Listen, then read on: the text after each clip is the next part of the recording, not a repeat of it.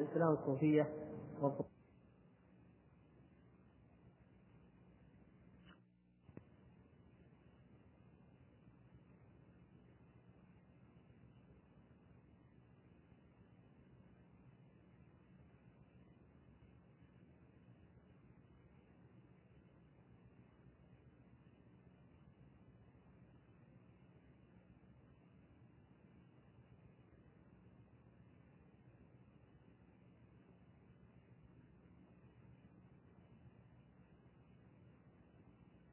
إن الله كما يقولون تحل به الحوادث كما سيأتي شرحه إن شاء الله. ثم مال بعض الحنفية ومالت الكرامية إلى قول آخر وهو أن الكلام حدث لله عز وجل بعد أن لم يكن انتقل من الامتناع الذاتي إلى الإمكان الذاتي. فيقولون لم يكن متكلما ولكن حدث له الكلام بعد ذلك. فأيضا يقول الإمام ابن أبي العز رحمه الله أن هذا الكلام للإمام أبي حنيفة أيضا رد على أولئك لأنه قال إنه كلام الله سبحانه وتعالى كلها القرآن ذكره وذكر ما فيه عن موسى وعن فرعون وذكر كلامه لموسى وذكر ما في المصاحف وما في الألسن وما في الصدور أنه كلام الله عز وجل. ثم ذكر أنه كلمه بكلامه الذي هو له صفة.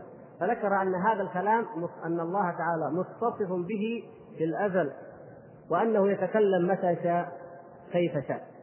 فاذا هذا رد على من يقول بأنه حدث الكلام بعد أن لم يكن متكلما. تعالى الله عن ذلك علوا كبيرا. فبان بذلك اذا أن هذا المذهب الصحيح الذي عليه الإمام أبو حنيفة هو ما عليه أهل السنة والجماعة وهو ما عليه الإمام أبو جعفر الطحاوي وهو الذي رجحه هنا. وأن بقية الأقوال مرجوحة سواء من ذلك قول في سواء في ذلك قول الماتريدية أم قول الكلابية الأشعرية بالكلام النفسي.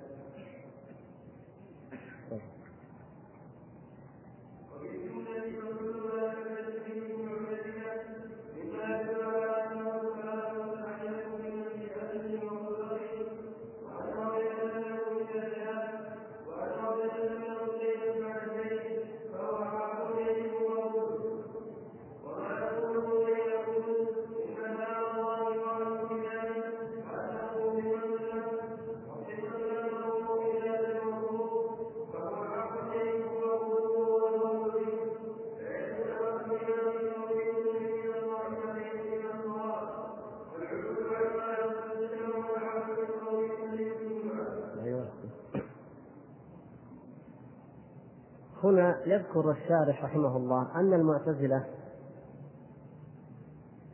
لما قالوا إن القرآن مخلوق أولا قالوا إنه مخلوق ثم قالوا بعد ذلك إنه يتعلق بمشيئته ويتعلق بقدرته طبعا يتعلق بمشيئته أنه متى شاء خلق الكلام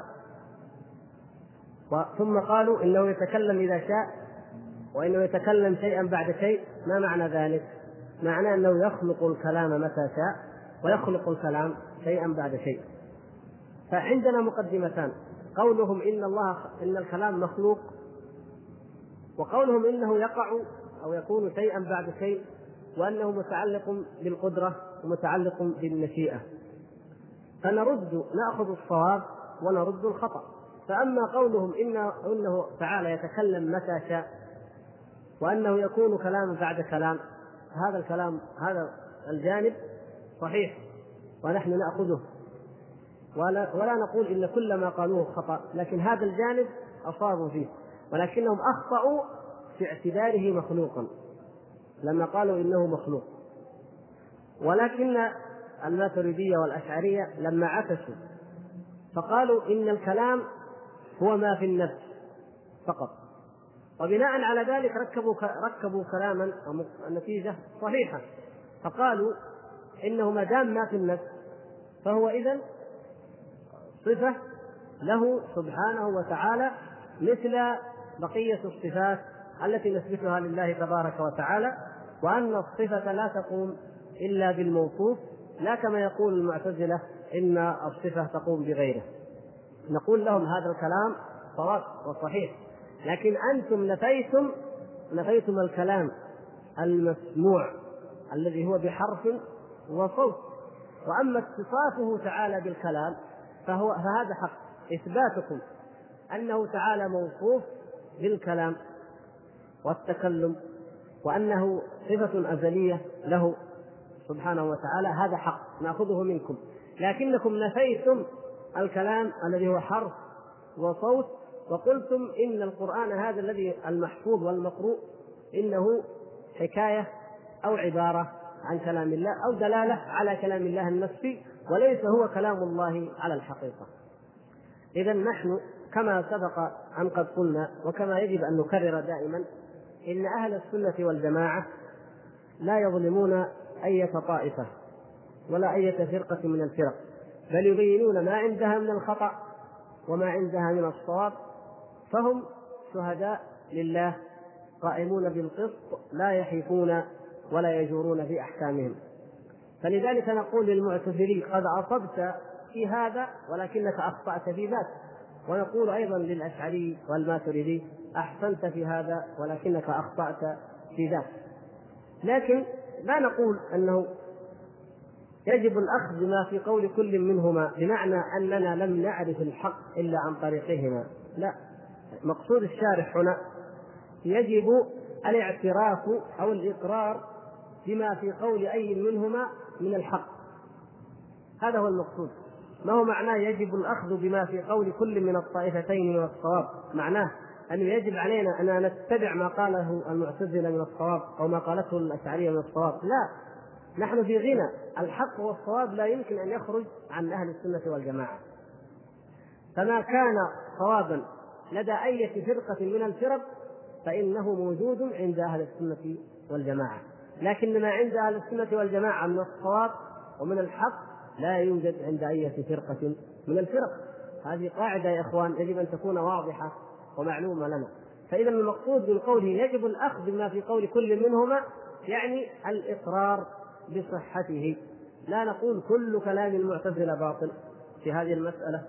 ولا نقول كل كلام الاشعريه باطل بل نقول إثبات اتصاف الله عز وجل آه، صفة ذاتية أو صفة أزلية بالتكلم وبالكلام هذا حق كما قالت الأشعرية وكما قالت الماتريدية ونقول إن كونه تعالى يتكلم متى شاء كيف شاء وأن كلامه يأتي بعد كلام يعني خطابه لموسى غير خطابه للملائكة غير خطابه لآدم غير القرآن التوراة غير الإنجيل والإنجيل غير التوراة والقرآن وهكذا. هذا أيضا حق وصواب. فنأخذ الصواب مع أي كان ونرد الخطأ والباطل من أي كان وهذا منه رحمه الله آه، مشي مع مذهب أهل السنة والجماعة الذين هذا شأنهم وهذا ديدنهم في كل أمر من الأمور. لا يزورون ولا يحلفون في أحكامهم رضي الله تعالى عنهم.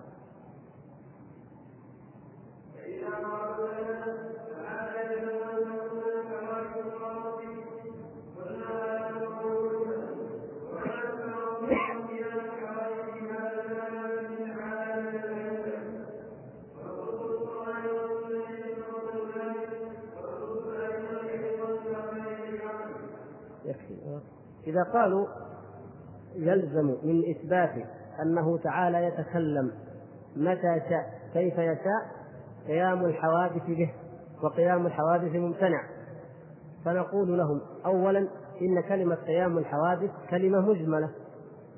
ومن عادة أهل السنة والجماعة في أمور العقيدة والدين أنه إذا جاء أحد بلفظ مجمل نقول له فصل فصل ما تقول. فإن أتى بمعنى حسن قبلنا منه ذلك المعنى وقلنا له المعنى هذا صحيح ومقبول ولكن استخدم اللفظ الشرعي الصحيح. يكون خلاف بيننا وبينه في ماذا؟ في اللفظ. فنقول معناك حق ونحن هذا الذي نقول به. لكن استخدم اللفظ الصحيح. لا تقول قيام الحوادث به. قل كما قال الله عز وجل ليس كمثله شيء وهو السميع البصير. هذا هو الذي نقول. ما قال الله وما قال. رسول الله صلى الله عليه وسلم وإن قال أعني بقيام الحوادث أنه يغضب ويرضى ويضحك وينزل وكذا قلنا لا اذا انت الان اللفظ خطا والمعنى خطا هذا المعنى غير مقبول عندنا ان تاتي بكلمه انت وضعتها من عندك أو اخذتها عن الفلاسفه وترد بها ما جاء في كتاب الله وفي سنه رسول الله صلى الله عليه وسلم من إثبات هذه الصفات لله تبارك وتعالى. فنرد المعنى ونرد اللفظ. وبهذا المعنى يقول الشارح هنا من أنكر قبلكم قيام الحوادث بهذا المعنى؟ بهذا المعنى الصحيح الذي لا مشابهة فيه لا تمثيل فيه ولا تشبيه لأن الله عز وجل هو الذي وصف نفسه بأنه ليس كمثله شيء وهو السميع البصير وهو, وهو الذي أخبرنا عن نفسه بأنه كلم الملائكة وكلم موسى ويكلم من شاء من عباده سبحانه وتعالى. اذا ما في تشبيه فنقول من الذي أنكر قبلكم هذا المعنى؟ والنصوص تدل عليه وكلام الأئمة يدل عليه. اذا هذه بدعة محدثة. أول من أحدثها هم أهل الكلام هؤلاء. وإلا فغيركم من الأئمة من تقدمكم أهل الفضل والتقى الذين يقتدى بهم كانوا على ما في القرآن والسنة وقرأوا الآيات والأحاديث في ذلك ولم ينكروا منها شيء أو يردوا أو يؤولوا أي شيء. فإذا أنتم مبتدعة. ابتدعتم في كتاب الله وفي سنة رسول الله وفي دين الله ما لم يشرعه الله. فنرد هذه الكلمة ونرد هذا المعنى. لا تقولون قيام حوادث لا تقولوا هذه أعراض والأعراض لا تلحق به لا تقولون آه، ما كل المصطلحات. الحيز الجوهر العرض الكمية المتصلة المنفصلة الكلام هذا كله هذا مما أخذتموه عن الفلاسفة ومما لا تفهم عقولكم غيره. أما نحن فنؤمن بالله كما أخبر الله تبارك وتعالى ونعلم أن العقول محصورة عن إدراك حقيقة صفات الله عز وجل كما أنها لا تدرك ذاته تبارك وتعالى وجل شأنه.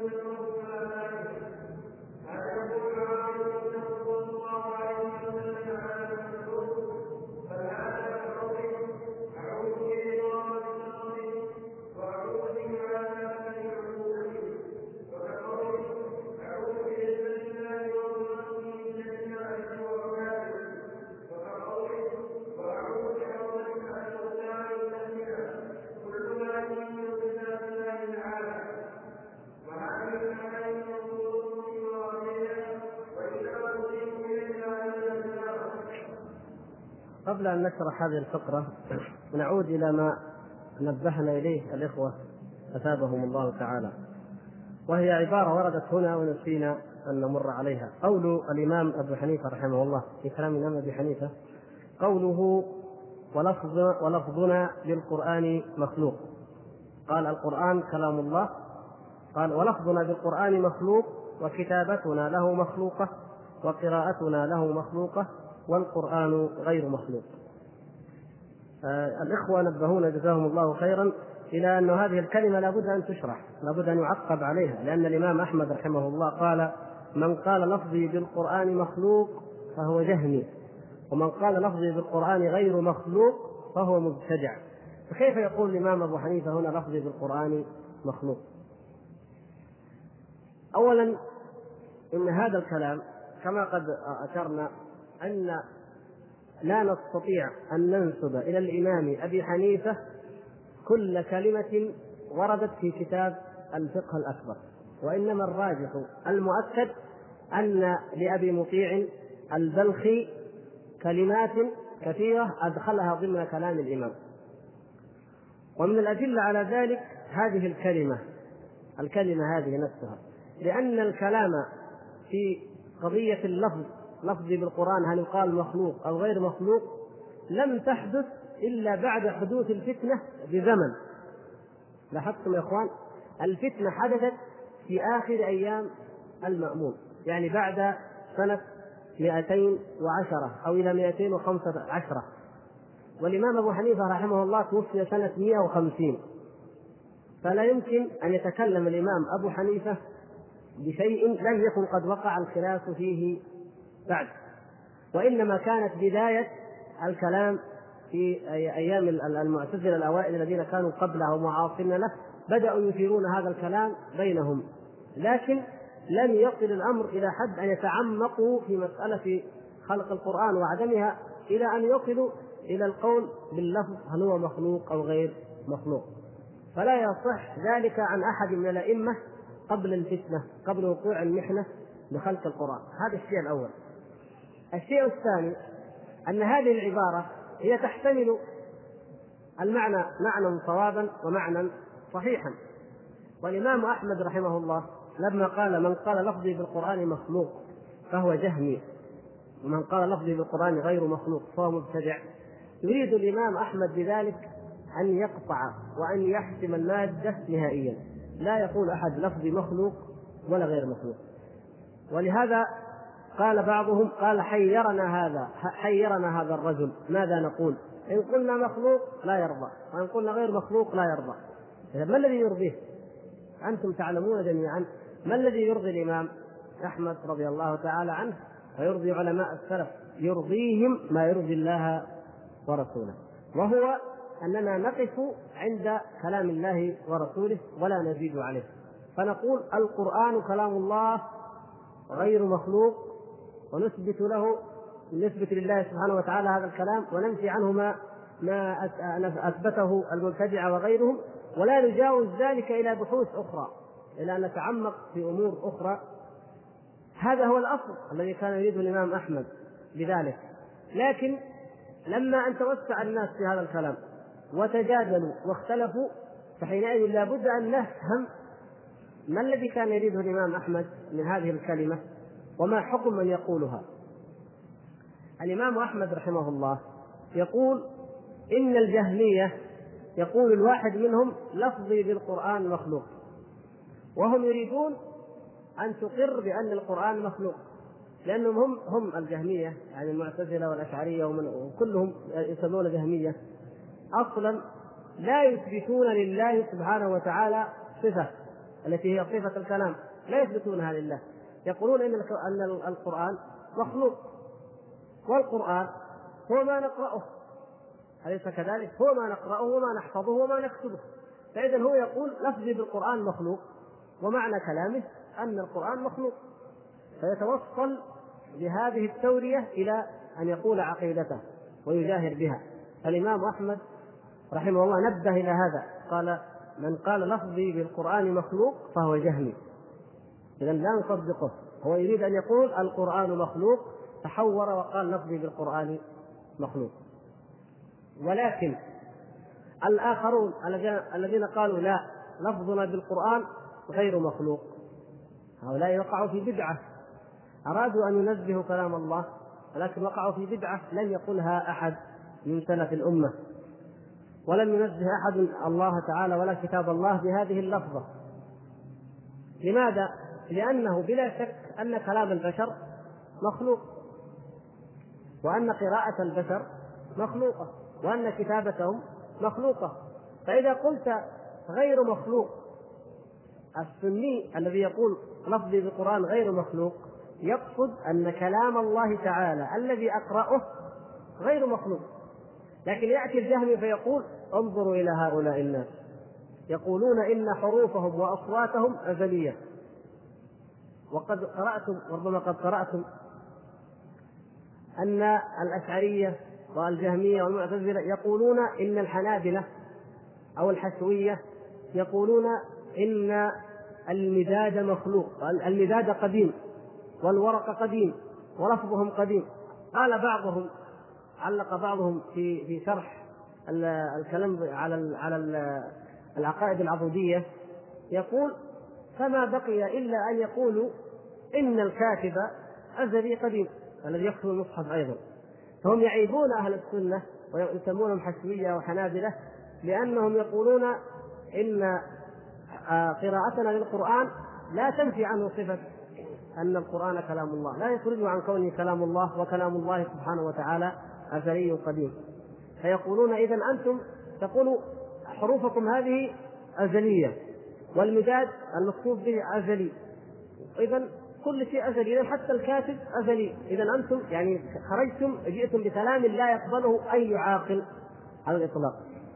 بينما مقصود أهل السنة والجماعة ليس هو هذه ليس هو ذلك وإنما مقصودهم القرآن الذي نقرأه نحن. القرآن غير مخلوق سواء كان مقروءا بألسنتنا أو مكتوبا بأيدينا. فهو غير مخلوق. لا يعنون نفس الكتابة ونفس المداد ولا يعنون نفس الحروف التي نخرجها نحن من أفواهنا وإنما يعنون المضمون الذي هو القرآن نفسه كلام الله عز وجل. فإذا هذا وذاك. الإمام أو أحمد لا يريد هذا ولا ذاك إنما نقف. لكن إذا كان ولا بد وقد وقع الخلاف فلنفصل في المسألة.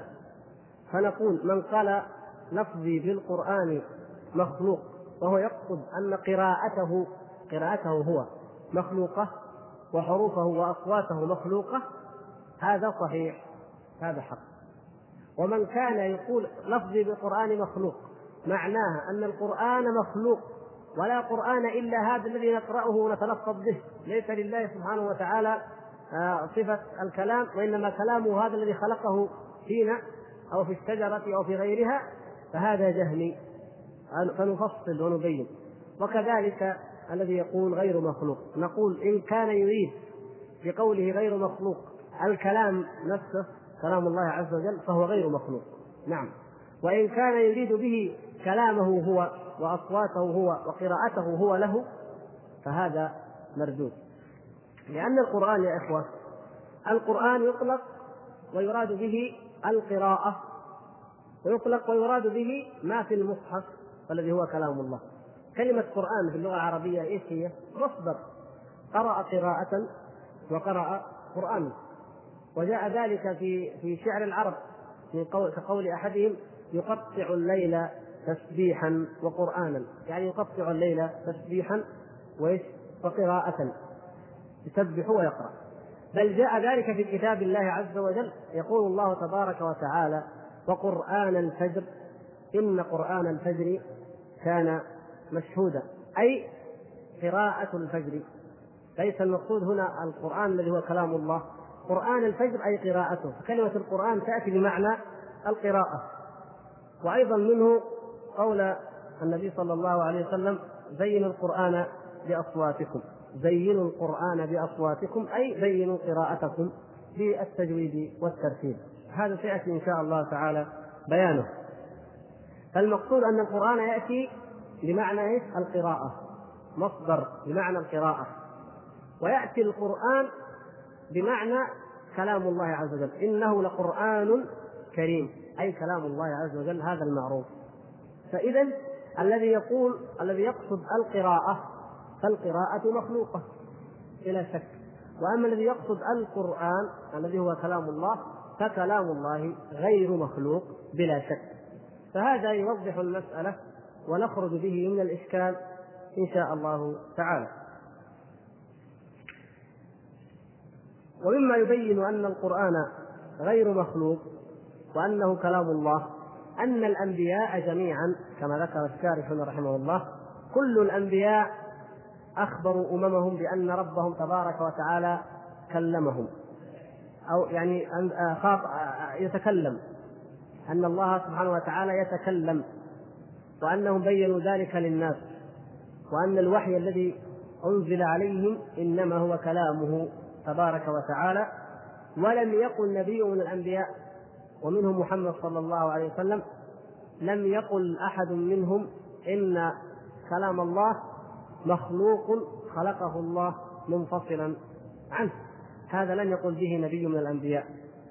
وإنما كان الصحابة رضي الله تعالى عنهم يفهمون من قولهم كلام الله أنه جل شأنه يتكلم أنه سبحانه يتكلم كلاما يليق بجلاله. وهذا هو الذي فهمته أم المؤمنين عائشة رضي الله تعالى عنها كما جاء في حديث الإفك الطويل الذي تعلمونه جميعا. فإن عائشة رضي الله تعالى عنها كانت تتوقع براءتها لأنها تعلم أنها بريئة رضي الله تعالى عنها وبرأها وطهرها ولعن من رماها بالإفك قديما أو حديثا لعنا كبيرا. فبرأها الله وتتوقع أن يبرئها الله تبارك وتعالى. لكن ما كانت تتوقع أن ينزل أن ينزل الله سبحانه وتعالى فيها قرآنا يتلى إلى قيام الساعة. رضي الله عن أم المؤمنين عائشة رضي الله عنها. ما كانت تظن ولا كانت تتوقع أن مسلما يؤمن بالله ورسوله يتهم أم المؤمنين بالفاحشة عياذا بالله. وربما لو اتهمها المنافقون الذين اتهموها في عصره صلى الله عليه وسلم المنافقون لا يمكن. فتتخيل أنه يأتي لهؤلاء المنافقين من يعقبهم ويخلفهم في هذا القول ويقتدي بهم وهو ينتسب إلى الإسلام. وإلى أمة محمد صلى الله عليه وسلم. فكانت ترى أن الأمر أقل وأحقر من أن ينزل الله به قرانا لكن يا إخوان العجيب أنه حتى بعد أن أنزل الله فيه القرآن ما يزال الرافضة قبعهم الله ولعنهم يتهمون أم المؤمنين عائشة رضي الله تعالى عنها ويكذبون كلام الله. وينسبون إليها ما برأها الله تبارك وتعالى منه. فهذا من أعجب العجب. لا من لا ليس شأنهم هم. فإن أعداء الإسلام من يهود ومجوس يفترون على الله ورسوله وأصحابه مثل ذلك وأعظم. ولكن العجيب العجيب هو من يسمعهم يقولون ذلك في حق أم المؤمنين ويقرأ ذلك في كتبهم ومع ذلك يخطر بباله أن هؤلاء من أهل القبلة والعياذ بالله.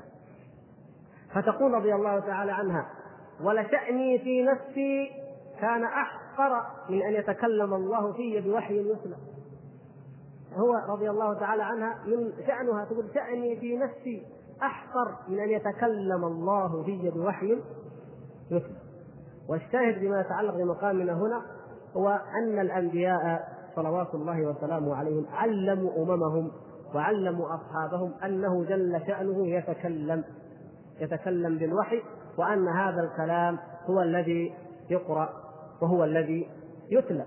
فتقول رضي الله تعالى عنها ولشأني في نفسي كان أحقر من أن يتكلم الله في بوحي يتلى. فالآيات التي نزلت في براءتها من سورة النور مثلها بذلك مثل سائر القرآن كله كلام الله عز وجل أنزله وهو وحي يتلى نحن نتلوه ونحن نقرأه وهو كلامه جل شأنه وتبارك وتعالى. فإذا النبي صلى الله عليه وسلم والأنبياء جميعا لو أن ما يقوله الأشعرية وغيرهم هو الحق لما جاز للأنبياء أن يسكتوا عن بيانه للناس. أن يقولوا أولوا يا ناس أولوا ما, ما إذا قرأتم آية فيها كلام الله أو أن الله يتكلم أولوها لأنه خلقه أو أن الشجرة هي التي تكلمت أو نحو ذلك. كان يجب على الأنبياء أن يؤولوا وإلا فما بلغوا فما بلغوا رسالة الله. كما قال تعالى وإن لم تفعل فما بلغت رسالته. والله يعصمك من الناس. فأمر الله تعالى النبي أن يبلغ ما أنزل إليه أن يبلغ ما أنزل إليه من ربه وحفظه وعصمه من الناس حتى لا يمنعه الخوف ويقول لو بلغت لربما آذوني أو قتلوني. الأذى يحصل لكنه ابتلاء ولم يصل إلى حد القتل. لكن الله عز وجل أمره يا أيها النبي بلغ ما أنزل إليك من ربك وإن لم تفعل فما بلغت رسالته. فإذا لو أن الأنبياء الأنبياء لم يقولوا لأممهم أبدا إن الله لا يتكلم. لم يقولوا لأممهم إذا قرأتم آية فيها غضب أو رضا أو قلنا لكم حديثا فيه نزول أو قلنا لكم المجيء أو الإتيان في كتاب أو في أو في سنة فأولوه أو اصرفوه عن معناه أو لا تؤمنوا به. وإلا لكان ذلك لو أنه يجب عليهم أن يقولوا ولم يفعلوا لكانوا كاتمين غير مبلغين للحق وحاشاهم من ذلك. وسيدهم صلى الله عليه وسلم هو الذي بلغ ما أنزله إليه ربه.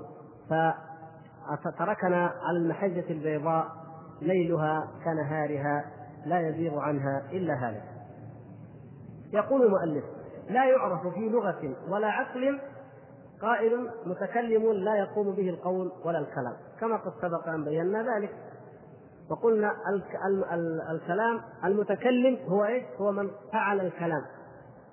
أما إذا قلنا إن المتكلم هو من قام الكلام بغيره فاذا اذا أنا أتكلم الآن ويمكن أن ينسب كلامي هذا إلى فلان والأخ فلان، ليش؟ لأنه قام الكلام بغيره هذا هذا لا يقول به عاقل كما قد سبق إيضاحه. لكن كما قال الإمام أبو حنيفة يقول إيش؟ يتكلم لا ككلامنا. يعلم لا كعلمنا يقدر لا كقدرتنا يرى يسمونه الشيخ. يقولون قال الشيخ الأكبر قدس الله سره. الشيخ الأكبر عند الصوفية ابن عربي. إذا قلت الشيخ الأكبر معنى ذلك هو مين؟ ابن عربي. ويضيفون كمان قدس الله سره.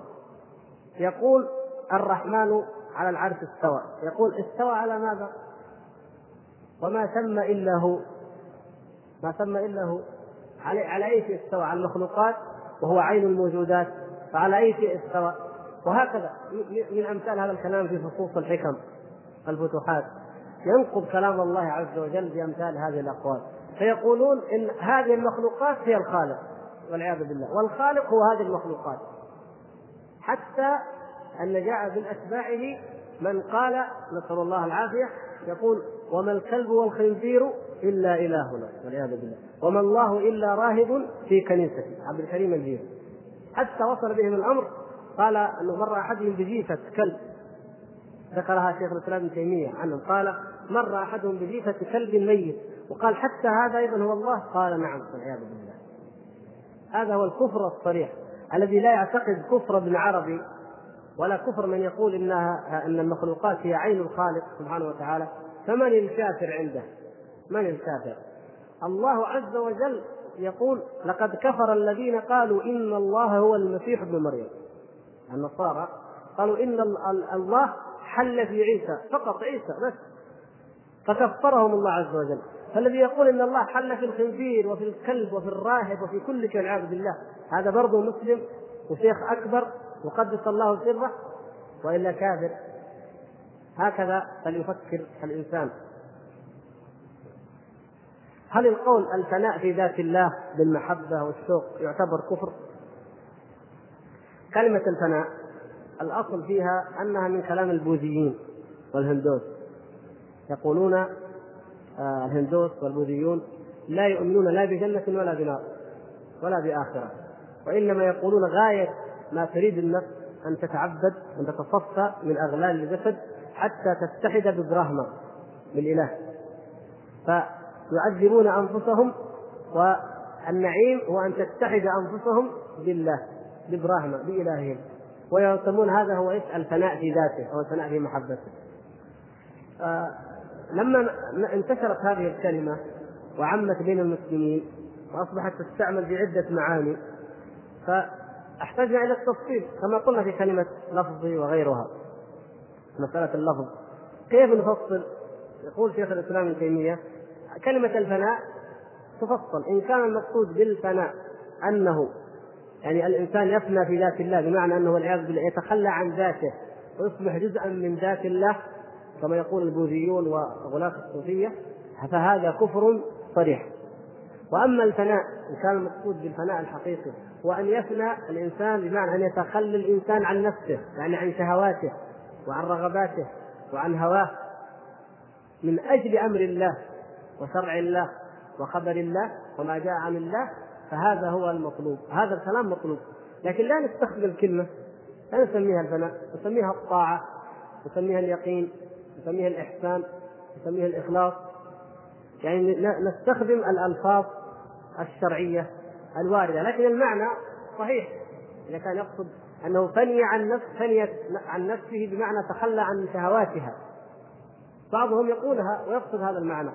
فنقول هذا المعنى سليم لكن استخدم اللفظة الصحيحة أيضا حتى يكون لفظك صحيحا ومعناك صحيحا. يقول الأخ هل شريعة موسى ناسخة لشريعة عيسى عليه السلام وهما مرسلان لبني إسرائيل؟ يمكن حصل خطأ ها؟ يعني شريعة موسى موسى هو نبي بني إسرائيل أول من أرسله الله سبحانه وتعالى إليهم. ثم جاء الأنبياء من بعده ليجددوا شريعته. آخر أنبياء بني إسرائيل عيسى آخر أنبياء بني إسرائيل عيسى. فبين عيسى عليه السلام وموسى عليه السلام قرابة 1200 سنة. تخللها أنبياء كثيرون منهم من؟ داود. نعم. ومنهم سليمان. هؤلاء في الفترة ما بين موسى وعيسى. ألم تر إلى الملأ من بني إسرائيل من بعد موسى إذ قالوا لنبي لهم ابعث لنا ملكا نقاتل في سبيل الله. ثم ذكر الله قصة ماذا؟ قصة داود داود وقتله لجالوت. الشاهد أنه يعني هذه هناك أنبياء وعيسى هو آخر أنبياء بني إسرائيل. فهل عيسى عليه السلام ناسخ لشريعة موسى عليه السلام؟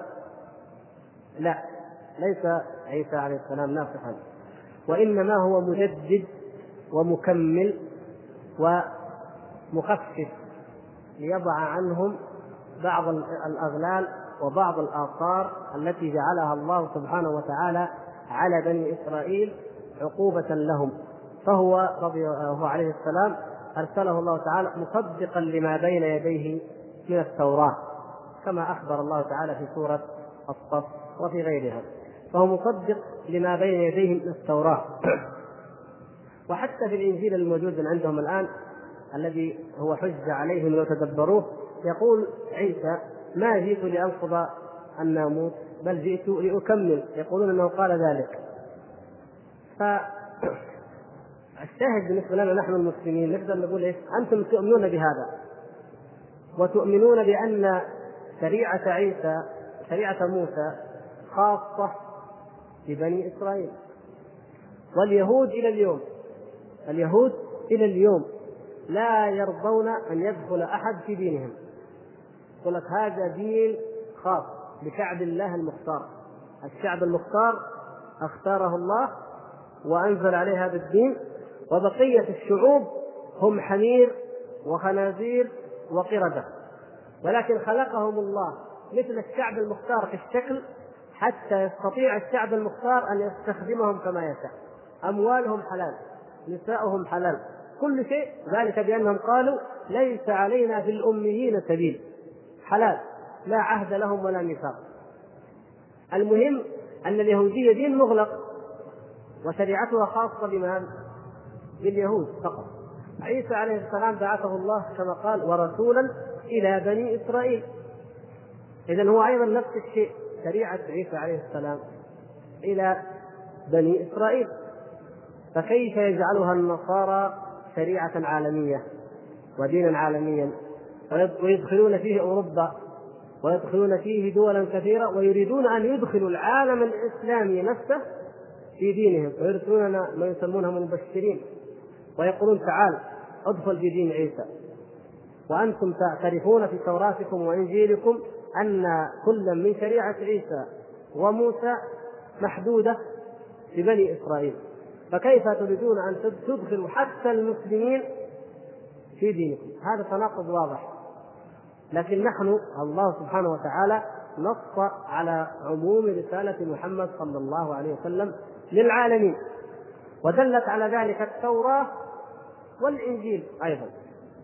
فإذا التوراة والإنجيل والقرآن دالة على أن شريعة محمد صلى الله عليه وسلم عامة لجميع العالمين. فمقتضى ذلك أنه يجب على اليهود والنصارى أنفسهم أن يدخلوا في دين محمد صلى الله عليه وسلم. لا أن يأتوا إلى المسلمين ولا حتى إلى إلى الوثنيين والمشركين فيدعونهم إلى أن يدخلوا في دينهم الذي إنما هو لبني إسرائيل وقد نسخ بشريعة محمد صلى الله عليه وسلم.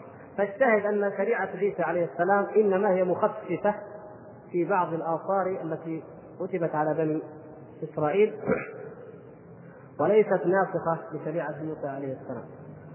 والناسخة هي شريعة محمد صلى الله عليه وسلم. ولهذا النصارى من غبائهم ومن جهلهم يؤمنون بكتابين العهد القديم والعهد الجديد. مع بعض. العهد القديم التوراة والأسفار التي فيها والعهد الجديد الأناجيل والرسائل.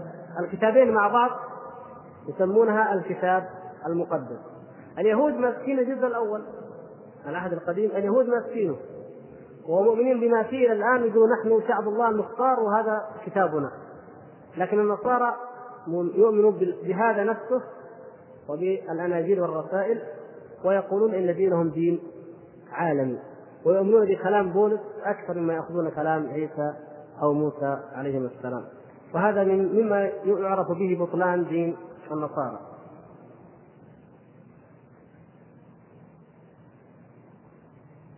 أخ يقول هل يجوز استخدام الجن المسلمين في أعمال طيبة وطبية؟ طبية. طبية كالدلالة على سارق يمكن تكون طيبة عادة أو قاتل أو يعني شيء من ذلك علاج كذا استخدام الجن المسلمين.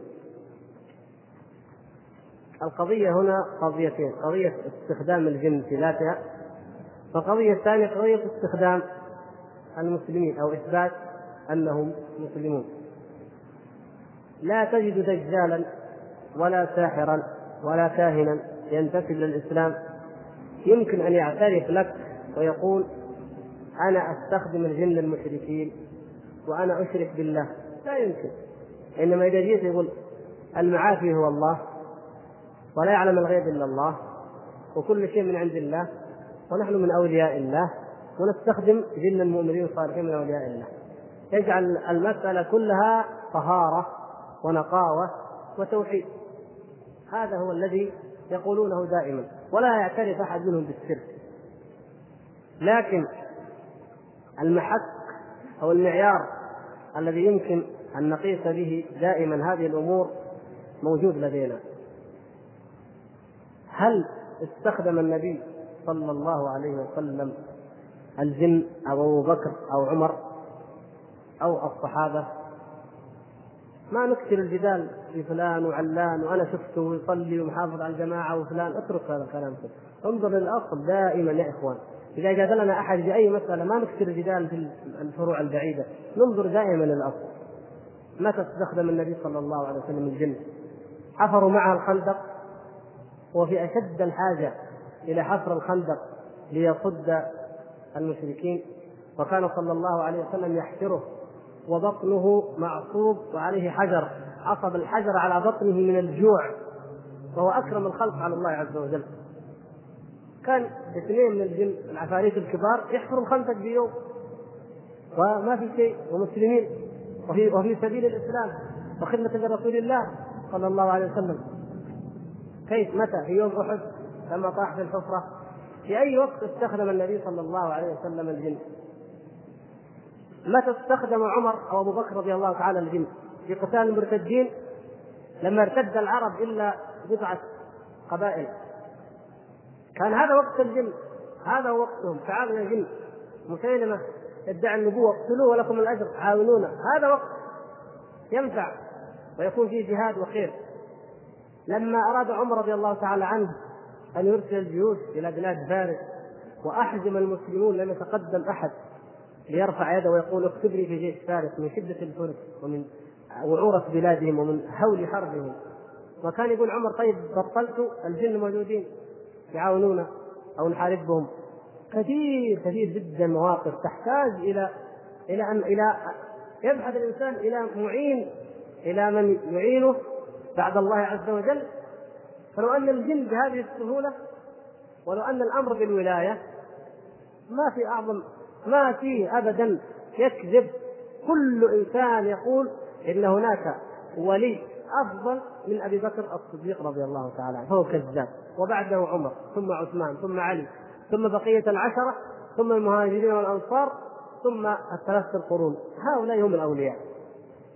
وما بعدهم لن يبلغوا شأنهم ابدا. فأين هؤلاء الأولياء من الجن؟ حتى الإمام أحمد ما كان يحتاج الجن في أيام المحنة مع المأمون. هؤلاء الأولياء الحقيقيون الإمام البخاري لما كان يألف الصحيح على الأقل يكتبون الجن شوية. يا إخوان أين تذهب عقولنا؟ كيف نصدق هؤلاء الخرافيون الذين يريدون أن يمتصوا أموالنا ويمتصوا ديننا وعقيدتنا ويقول نحن أولياء والجن صالحين؟ لا. إن كان أنت لأنك سليم القلب طيب النية ذهبت إليه تسأله عن مبلغ من المال ضاع منك. هذا لأنك طيب القلب أنت. ما تدري. فقلت له أخبرني عن المال أين ضاع. لكن اسمع ماذا قال النبي صلى الله عليه وسلم. من أتى عرافا أو كاهنا فصدقه بما يقول فقد كفر بما أنزل على محمد صلى الله عليه وسلم. وان لم يصدقه في الحديث الآخر لم تقبل منه صلاة أربعين يوما. طيب نقول أنت إنسان يعني قصدك الخير تقول أشياء طيبة. دلالة على سارق أو قاتل هذا شيء طيب. كم من الأعمال يعملونها من أجل الدلالة على السارق أو القاتل؟ إذا كنت تظن أنهم يعملون هذا العمل فلا تنسى أنه يذهب إليه المجرم الأثيم الخبيث ويقول إني أحب فلانة زوجة فلان وأريد أن تستميلها لي وتفسد ما بينها وبين زوجها حتى تتعلق بي ويطلقها وأتزوجها أو يقع فيها بالحرام والعياذ بالله وهي في عصمة ذلك هل هؤلاء يفعلون أعمال طيبة؟ نسبة الأفعال هذه مثل هذه التي يقول السائل أنها طيبة ضئيلة جدا بالنسبة لأعمال الإجرام التي يقدمون عليها ويرتكبونها من انتهاك الأعراض ومن أخذ أموال الناس بالباطل هذا السارق الذي يسرق أموال المسلمين يسرق أموال الضعفاء والمساكين يأتيها الإنسان عنده مرض يمكن يأخذ نوعين من الحبوب يتعافى بإذن الله ب 10 ريال 20 ريال ويستمر عليه ألف وألف وألف حتى يفطره. هذا السارق المجرم. تقول إنه يدل على السارق يدل على لص وهو اللص الأكبر الذي يأكل أموال الناس بالباطل والبهتان. وقد يكون السارق ذاك إنما أخذ عن حاجة. هذا هو اللص وهذا هو السارق. ولذلك يا إخوان لا نصدق هؤلاء. لا يجوز لنا أن نذهب إليهم ولا أن نصدقهم ابدا باية حال من الأحوال وإلا أوقعونا في الشرك. هؤلاء الناس إنما تخدمهم الشياطين ولا تخدمهم الشياطين عبثا لا تخدمهم الشياطين بدون مقابل. يوم القيامة عندما يقفون بين يدي الله سبحانه وتعالى ويقول الرب تبارك وتعالى يا معشر الجن قد استكثرتم من الإنس نعم استكثروا من الإنس. كم ملايين مئات الملايين يعبدون الجن فماذا يقولون؟ فقال أولياؤهم من الانس ربنا استمتع بعضنا ببعض فبلغنا موعدنا الذي اجلت لنا. ربنا استمتع بعضنا ببعض. يعني كانوا يخدموننا الجن كانوا يخدموننا في مثل هذه الأمور. وكنا نقدم لهم الطاعة والعبودية. نعوذ بالله. يسجد للجن يكتب القرآن والعياذ بالله بدم الحيض نسأل الله العافية. يلقي القرآن في الأماكن النجسه وهذا ثابت. واسألوا من تاب منهم. كان يفعل ذلك فيأتيه الشيطان فيستخدمه في أمر من الأمور. استمتع بعضهم ببعض. هؤلاء كفروا وأشركوا وأولئك خدموا وقدموا. استمتع بعضهم ببعض. حتى يبعثهم الله عز وجل ويسألهم ولهذا تقول الملائكة سبحانك بل كانوا يعبدون الجن. أكثرهم بهم مؤمنون. بل كانوا تقول الملائكة بل كانوا يعبدون الجن. لم يكونوا يعبدوننا وإنما كانوا يعبدون الجن. وإن زعموا أنها ملائكة تخدمهم لكنها في الحقيقة جن. وقد أظن ذكرنا بل ذكرنا قصة الرجل الذي كان لديه خادم يخدمه من الجن. وكان هذا الرجل يرى في بغداد في يوم التروية اليوم الثامن من ذي الحجة. فإذا جاء يوم عرفة وقف بعرفة. فيقال كيف جئت يا شيخ؟ قال أنا ولي. من أولياء الله. والأرض خطوة لأولياء الله. والأرض خطوة لأولياء الله. خطوة واحدة فذهب إلى أي مكان شاء. فاستمر على هذه الحال حتى جاءه الموت وكان عنده ابن. فقال لابنه يا بني أنا أخبرك بالسر كيف كنت أذهب إلى أي مكان أريد. فأخبره قال اذهب إلى مكان معين في الصحراء يأتيك شيء مثل البعير تركب عليه وتفعل ما يطلبه منك وهو يوديك إلى أي مكان. يريد أن يعطي ابنه هذا السر. توفي الأب وبقي الابن وكان الابن الله عز وجل أعطاه بصيرة فطرة طيبة سمع من أهل الخير الذكر عرف التوحيد وحقق الإيمان. فقال نذهب نحج ما كان زي الآن طيارات. يعني مسافة طويلة جدا حج كما تعلمون عن الجمال. وهذه وسيلة ميسرة. في يوم ينتهي الأمر. قال هذه كرامة لأبي وأنا ورثت الكرامة عن أبي والولاية. ما في شيء. فجاءه ذهب إلى الشجرة المكان المعروف وجاءه هذا مثل البعير وركب. ولما توسط به صحراء نجد. وسط الصحراء. نزل وقال اسجد. ماذا تقول؟ قال اسجد. قال لمن؟ قال لي. قال أعوذ بالله. أسجد لغير الله؟ قال نعم. إنما كان أبوك يفعل هذا. نسال الله العافيه كنت تظن أن يودي أبوك كل سنة مجانا. ما في. هذا هو من أجل هذه السجده استمتع بعضنا ببعض. فلا بد. هذا له خدمة ونقل مجاني. وهذا له سجود. مجاني هذا الاستمتاع من الطرفين. فتجادل فقال أعوذ بالله منك. وأعوذ بالله والله لا أسجد لغير الله ولو قتلتني في هذا الموضع. فلم يستطع أن يقتله. إن كيد الشيطان كان ضعيفا لم يستطع أن يقتله أو يرغمه على ان يسجد له فقال أتركك بهذا المكان؟ قال اتركني. لن أسجد إلا لله ولا يضيعني الله عز وجل. ثم بقي في تلك الصحراء حتى كاد ان يهلك من الجوع ومر به بعض الناس ووجدوه مغمى عليه كاد يموت من الجوع وأضعوا الماء ينقطونه قليل قليل حتى أفاق وشرح لهم القصة وعاد إلى لما رجع إلى بغداد تحلل من مال أبيه. قال أبي مات على الشرك ومات على الردة فلا أخذ من مال أبي شيء والعياذ بالله. وغير ذلك كثير. فهذا هو حال المستخدمين الجن عافانا الله وإياكم.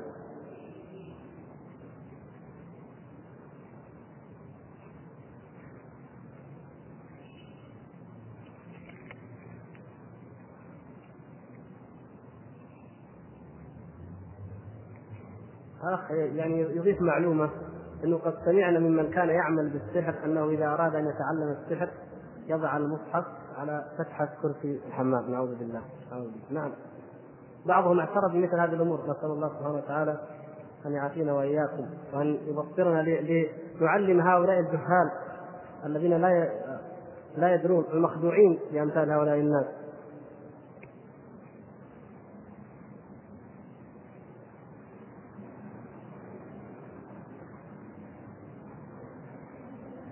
هذا نفس في قصة. سبحان الله يبدو كثر الناس إنه راحوا إلى مرأة موجودة في جدة قالت إن فلان هذا المريض وضع له السحر بثلاثة أوجه. ولا يخرجه إلا ساحر مثله مثل الذي وضعه. والذي أدهشني أن هذه المرأة أخبرت عن سارق سرق عنز لوالدتي في الجيرة ووصفته أيضا شكلا وطولا وعرضا. نعم. يمكن أن نخبروا الله عز وجل يقول إنه يراكم هو وقبيله من حيث لا ترونه فلهم أولياء يخبرون.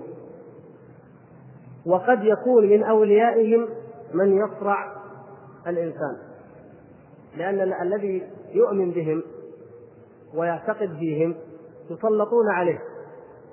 وأما الذي لا يؤمن بهم فإن الله سبحانه وتعالى يحميه منهم لكن الذي يؤمن بهم ويخاف يقول لا تذكر الولي فلان لا تذكر السيد فلان إلا بالخير. ترى بعدين تصاب بكذا. اذا يتوقع أن يخاف نتيجة لذكره بالشر. فيخاف منهم.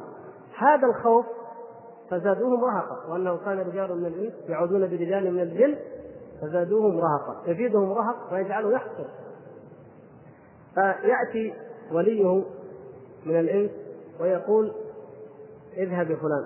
يأتي صاحبه الجني فيقرع فلان. أو يأخذ مال فلان ويأتي هذا الانسي إلى الولي هذا ويقول كما يسمون هذا الدجال يقول فلان أنصرع فلان ضاع يقول جيب وأنا عالجه أو أنا أوريك المال فيعطيه نفس المال يقول هذا حقك هذا هو يقول والله سبحان الله نفس المال بنفس الشكل كيف جاء؟ طيب لو كان هذا. لو إن هذا الإنسان الذي يجيب هذا المال المسروق يقدر يجيب الفلوس المسروقه الحرامي اللي سرق يعني لما يسرق الواحد شيء يحطه كذا عادي. أنت فلوسك لما تكون ماشي فيها ما تحطها تهتم إنك تحطها في مكان أمين. كيف السارق؟ أشد الناس يا إخوان أشد الناس محافظة على أنه يخبي شيء السارق. لأنه ممكن يفتش ممكن يجي الشرطه ممكن يجي الناس ممكن. يحفظه في مكان يعني بعيد جدا وعميق ما احد يعرفه. فهذا اللي يقدر يطلع لو انه فعلا يطلع الحاجة المسروقة. وعنده هذا الجن اللي يجيبونه في لحظة المبلغ الذي ضاع في مكان بعيد يقول له خذ هذا هذه فلوسك يقول اي نعم. ليش ما يسلطه على احدى خزانات البنوك؟ يكسر القفل ويجيب له ملايين. وبلاش يقعد قاعد يعالج على ال 100 وال 200 وال 1000 وال 2000 لو كان صحيح يملك أن يستخرج المال. يمكن الحرامي وضع في خزانة أقوى من خزانة البنك أو مثلها. طيب ليش ما يطرد خزائن الناس بهذه الطريقة هو؟ ويغتني يصير أغنى أغنياء العالم عن طريق العفاريت والجن وبلاش يشغل الطب سرقه واحدة خليه يغنى الناس ويعمل له مشاريع ويترك الشغلة هذه. لكن هذا لو أننا نفكر لكن لا. هو لا يمكن إنما هي بطريقة هو يسرق وهو هو يرجع. أو واحد منهم يسرق وواحد يرجع. ولذلك لما تترجموا الكلمات حقتهم لما تشوف الورقة اللي يكتب لك ورقة يكتب آية الكرسي بعدين يا فلان يا طش طشيد كلام ما تبغى تقرأ ما تفهم. إيش مقصود هذا؟ هؤلاء ملوك الجن. عن طريق الملوك يقول يا ملك الجن فلان اللي هو يسجد له ويعبده والعياذ بالله ويتقرب إليه بإهانة القرآن في الأماكن النجسه يا فلان فلان ضيع حقه. هذا اللي سرقه من أتباعك يقول ملك الجن يقول هذا من أتباعي طيب خليه يرجعه. يرجعه لهذا مقابل الخدمة اللي يقدمها هذا له يرجع له مبلغ وبعدين يقوم إيش؟ يقدمه لصاحبه يقول هذه فلوسك اللي ضاعت. يطالع فيها نعم نفس الشيء نفس الشكل ما هي مبدلة من مصر الثاني ابدا نفس الرباط أو نفس الشكل وهكذا. فعن طريق هذه الأمور يعني لانها لأننا لا نراها. الله عز وجل حجبهم عنا ما نراهم. لكن هي في الحقيقة مثل الأمور العادية البشرية. لو رحت في بلد سرقت فلوسك رحت للشرطة أو مثلا حاكم البلد سأل الشعب حقه من أخذ منكم حق فلان؟ رجعوه. وأخذته وأعطيته. عادي جدا ما فيها شيء. لكن لأن هذه في العالم المخفي المحجوب عنا نستغرب وما ندري كيف تدور. لكن هي كذا هي بهذه الطريقة. فلا تصدقوهم يا إخوان. هذه المرأة لو كانت صادقة لنفعت نفسها اولا. لكن الحيل إنما هي الحيل على أموال الناس والحيل على دين الناس إخراج الناس. هذا هدف إبليس اللعين أن يخرج الناس من التوحيد إلى الشرك. أول ما جاء إلى قوم نوح قال ماتوا العباد وماتوا الأولياء وماتوا الزهاد وأنتم أضعف منهم عبادة لله. لماذا لا تقتدوا بهم؟ قالوا صحيح. ليش ما نكون قدوة؟ مثل ود وسواع ويغوث ويعوق ونسر هؤلاء الصالحون المتعبدون. طيب كيف نقول؟ قال الشيطان لما كانوا موجودين ما كنتم تشوفوهم وتقتدوا بهم وتروا أنه قدوة فيهم بالعبادة؟ قالوا كيف؟ إلا. قال طيب صوروهم فتشوفوا صورهم. فلما تشوف صورته تتذكره فتعبد الله زي ما كنت تذكر الله لما كان موجود قالوا أيوه صوروهم جاء الجيل الأول يصورهم ويعبد الله عن طريق صورهم الجيل الثاني إيش سوى؟ جاء الشيطان قال هؤلاء هم الآلهة كيف؟ قال اعبدهم اسجدوا لود وسواع ويغوث ويعوق قالوا لا كيف نسجد لهم؟ قال أباؤكم وأجدادكم كانوا يسجدون لهم ليش؟ ما في غريب ما كانوا يسجدوا هنا الآباء كانوا يسجدون لله عند صورة ود وسواع. الأبناء صاروا يسجدون عند ود وسواع لود وسواع. تغيرت كما في الحديث الصحيح معروف عندكم. وغير ذلك هكذا الشيطان حريص ان يخرج الناس بأي حيلة؟ من التوحيد إلى الشرك. هل تستغربون منه أنه يسخر من جنده ومن قبيله من يخدم أولياءه من الإنس الذين يعبدونه ليضلوا الناس. لا يستغرب ذلك.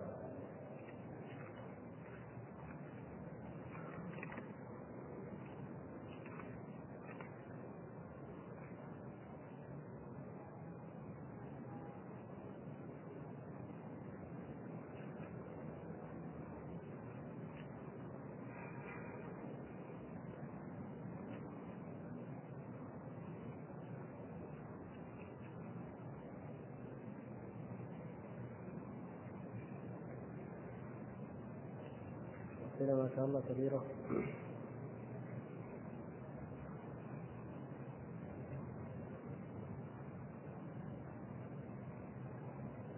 الأخ يقول قد قلتم قبل فترة إن الرسول هو الذي يأتي بشريعة ويرسل إلى قوم كافرين. فإذا كان عيسى مجددا لماذا يكون من أولي العزم من الرسل؟ وهذا التعريف قد سبق منه بأنه نبي. عيسى عليه السلام نبي ورسول. ولا تعارض بين كونه نبيا ورسولا وبين كونه من أولي العزم من الرسل.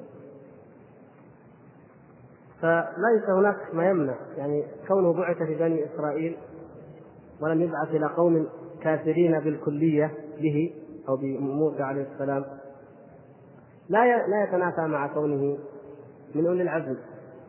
وفي نفس الوقت عيسى عليه السلام لما بعث إلى بني إسرائيل كان بنو إسرائيل قد ابتعدوا عن شريعة موسى عليه السلام وخرجوا منها. خرجوا منها. كانوا يقولون عزير ابن الله. كانوا يعبدون الأحبار ويتعبدون بأقوالهم. الأحبار الذين كتبوا لهم التلمود كتاب التلمود الذي كتبوه لهم. فكانوا يتعبدون بأقوالهم ولا يتعبدون بما في الشريعة. فكان التوراة التي بين أيديهم كانت رسوم ولا حقيقة لها ولا عمل بها بل كان كثير منهم قد ارتد عنها وكفر بها وخرج من دينها.